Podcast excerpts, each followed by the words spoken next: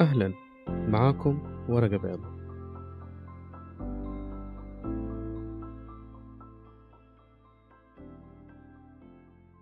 خلينا نبدأ بسؤال. أول شيء غمض عينك. وخد نفس عميق. وشوف حياتك. اللي راح واللي حاضر الآن واللي حيجي. إيش تستحق؟ هل كل اللي مر في حياتك أو حياتك الحالية في شيء تستحقه؟ شوف أحلامك لبكرة هل هي أشياء تستحقها؟ أحلامنا هي حقيقتنا اللي جينا بيها للحياة دي وهي صوت قيمنا وقدراتنا ومواهبنا وعلى فكرة الأحلام موهبة بشرية خالصة نتميز بيها عن بقية الكائنات. خد ورقة ورقة بيضة واكتب إيش تستحق. إذا عرفت فعلا الإجابات فأعتقد الحلقة انتهت. موضوع اليوم معاكم موضوع عميق وقاعد أقرأ وأتعلم فيه وبطبق فيه و... ولسه ما وصلت. كل لحظة في يومي أقعد أتأملها وأشوفها وأراقبها. حاجات بتحصل وأقدر أفسرها بسهولة وحاجات لسه بدور لها على تفسير. أنا مو شخص كامل ولا معلم جيت أتمعلم عليكم. أنا فقط بأمشي وبأبحث عن الحكمة. موضوعي معاكم عن نتائج حياتنا وعن الاستحقاق. قعدت أشوف حياتي وصلت لإيش الآن؟ إيش أتعلمت؟ إيش خسرت؟ وليش وصلت حياتي لوضعها لحالي؟ هل فكرت يوم إذا كانت حياتي كاملة وكما أريد؟ نعم فكرت في الحقيقة خسرت أشياء كثير وسألت نفسي إذا كانت هذه هي الحياة اللي تخيلتها وحلمت بيها لما كنت صغير وأنا حاليا بين خيارين يا إما أندب حظي وألقي اللوم على كل ما مررت به من ظروف أو أقر بمسؤوليتي الكاملة تجاه حياتي وأسأل إيش دوري في اللي حصلت عليه وفي اللي صار وإيش اتعلمت يمكن لاحظتوا وانتوا كنتوا بتستمعوا لصوتكم الداخلي وجود الكثير من الأصوات السلبية الموجودة. في يأس إنكم تحققوا شيء بتحلموا بيه من زمان. في خوف إنكم تتخذوا خطوة معينة تجاه شيء معين. في غضب إنه في شيء نزل من قيمتكم. في شيء جرحكم. في شيء ضركم من جوا. في تأنيب ضمير على أشياء عملتوها وقرارات اتخذتوها وانضروا فيها ناس تانيين. أو حالكم من بعدها صار مو كويس في إحباط في ألم. وزي ما عرفنا في الحلقات السابقة كل هذه الأصوات السلبية تقول رسالة واحدة. أنا لا أستحق.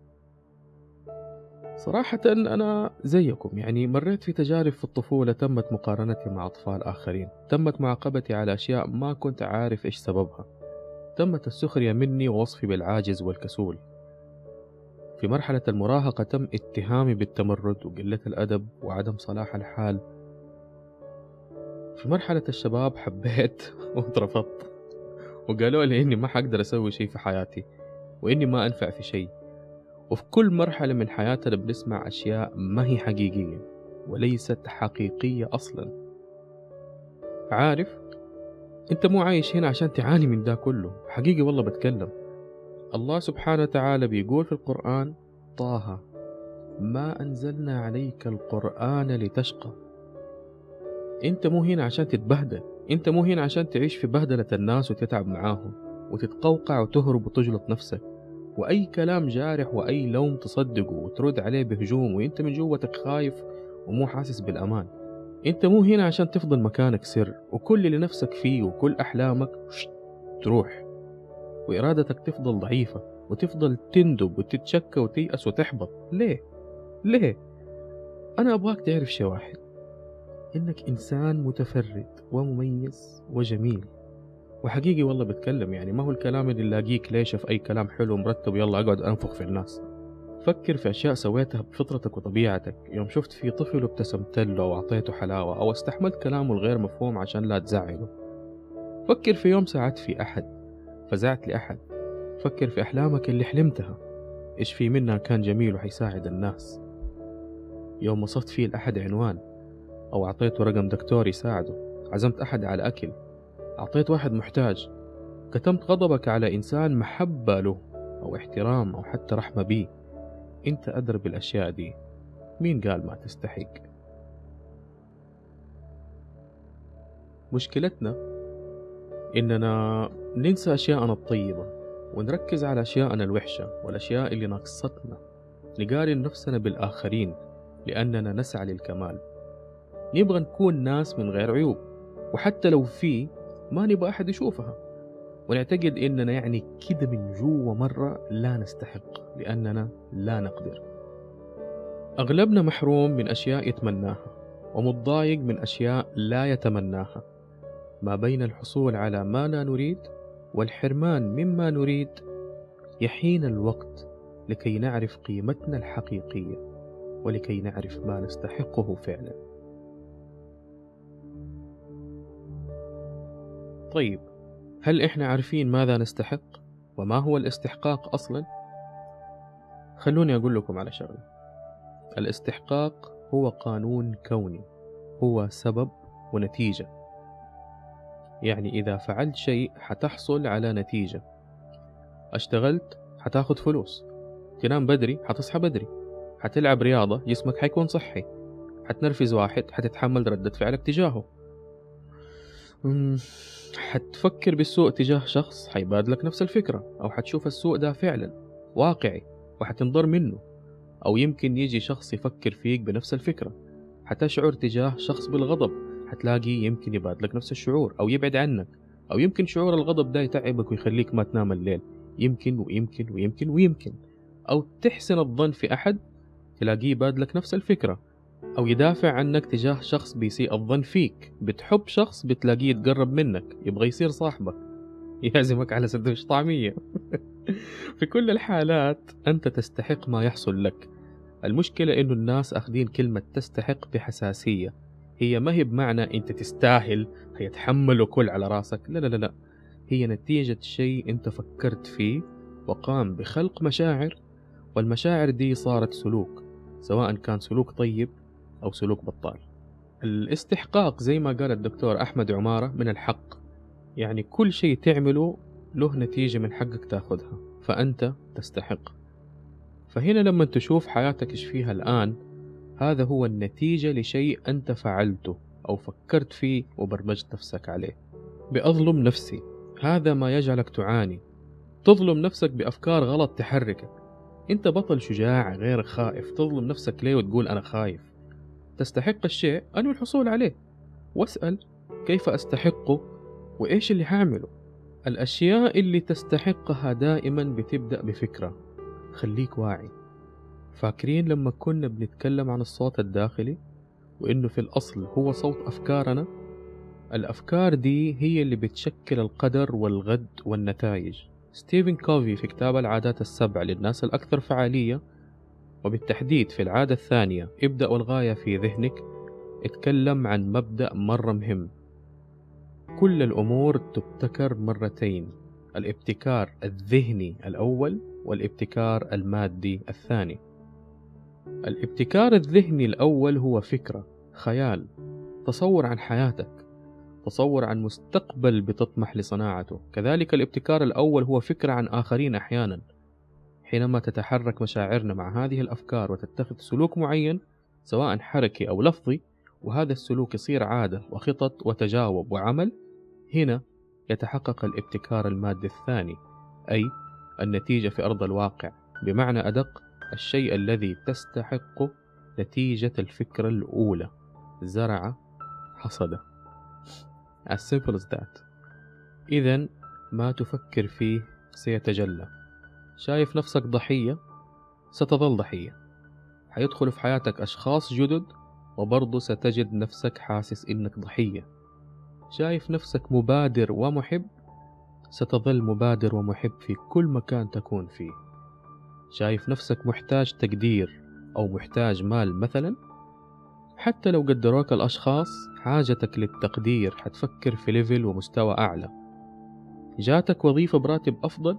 حاجتك للمال ستولد احتياجات أكثر وأعلى وستجد نفسك still محتاج مهما حصلت على أي تقدير مهما حصلت على أي راتب أفضل وأعلى حتحس إنه في حاجة جوا لسه ناقصة شايف نفسك وحيد ستظل وحيد.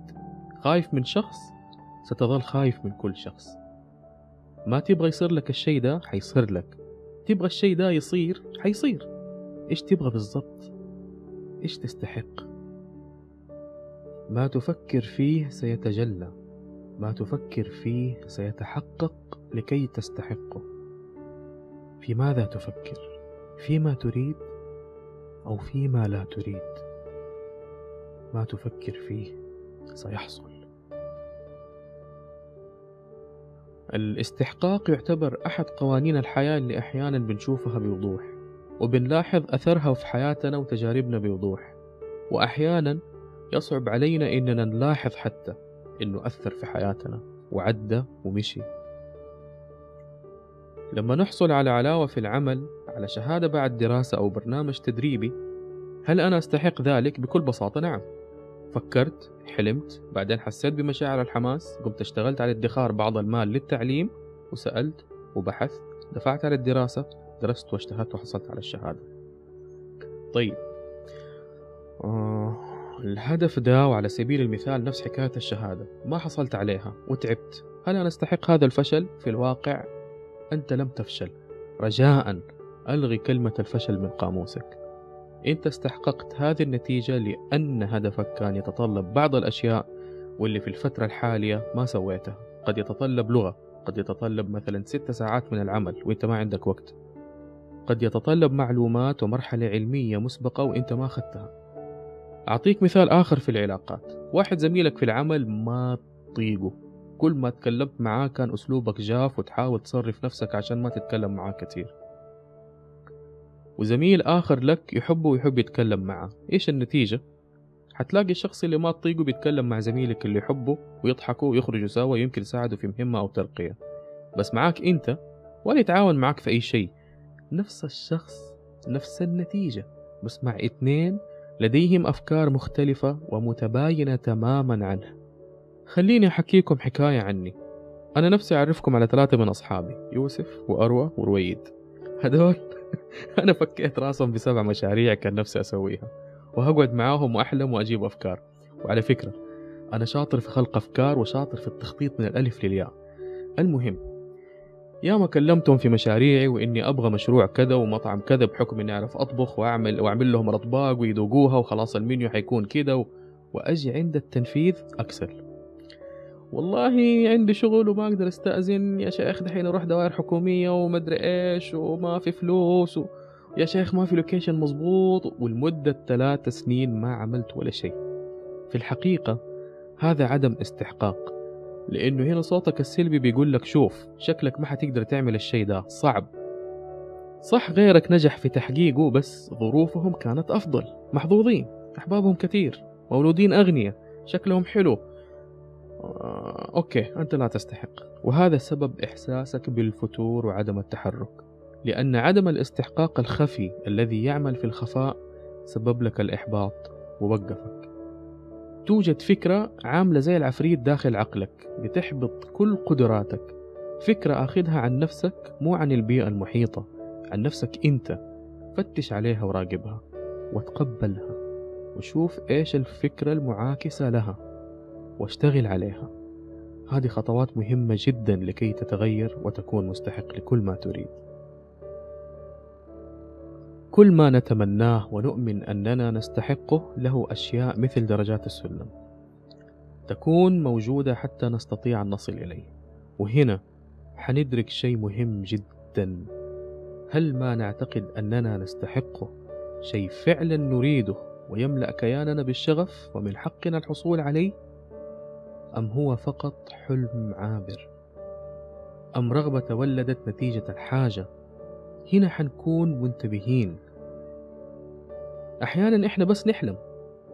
أحيانا الفراغ الملل عدم وجود اتجاه واضح لحياتنا ظروف صعبة مرينا فيها يخلينا نشغل نفسنا بأي شيء أي شيء بأي حلم بأي حاجة في أي حاجة فقط عشان نهرب. أشياء لا تنتمي لنا. أتمنى أفتح مشروع لأني موظف على قد حالي وأحتاج فلوس. أنت إيش تحتاج بالضبط؟ أتمنى أهلي يعاملوني باحترام لأني محتاج إني يحترموني ويقدروني. ماذا تريد بالضبط؟ أتمنى فلان يحبني أتمنى أكون في قصة حب وأتخلص من الوحدة اللي أنا فيه أنت إيش اللي تبغيه بالضبط؟ أحتاج أبعد عن الناس وأرتاح من كل الخداع والكذبة اللي حواليا. إيش تبغى بالضبط؟ لا مو ده اللي إحنا نبغاه. إيش تبغى بالضبط؟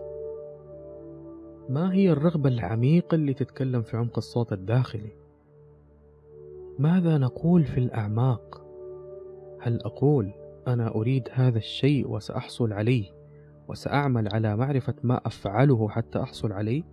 أم أقول أنا أحتاج أحتاج حب أحتاج تقدير أحتاج مال أحتاج سعادة أحتاج استقرار أحتاج هدوء؟ طالما الفكرة هي حاجة كل ما ستحصل عليه من نتائج هي مزيد من الحاجة لأن المحرك الرئيسي هو الخوف. وطالما الخوف هو ما يحركنا فلن نحصل على شيء. هنا لازم تفرق ما بين ما ترغبه كرغبة جميلة شيء كل الناس يسووه شيء شفته عند الآخرين وعجبك شيء خطر على بالك تسويه أو تمتلكه وإنت كنت في حالة احتياج وتشتت.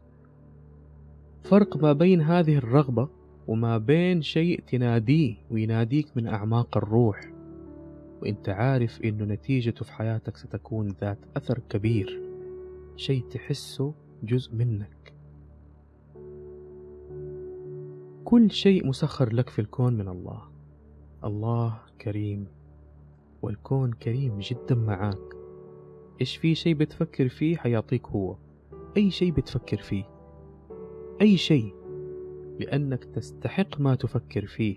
حلال حرام صح. غلط أنت تستحقه وستحصل عليه عرفت السر؟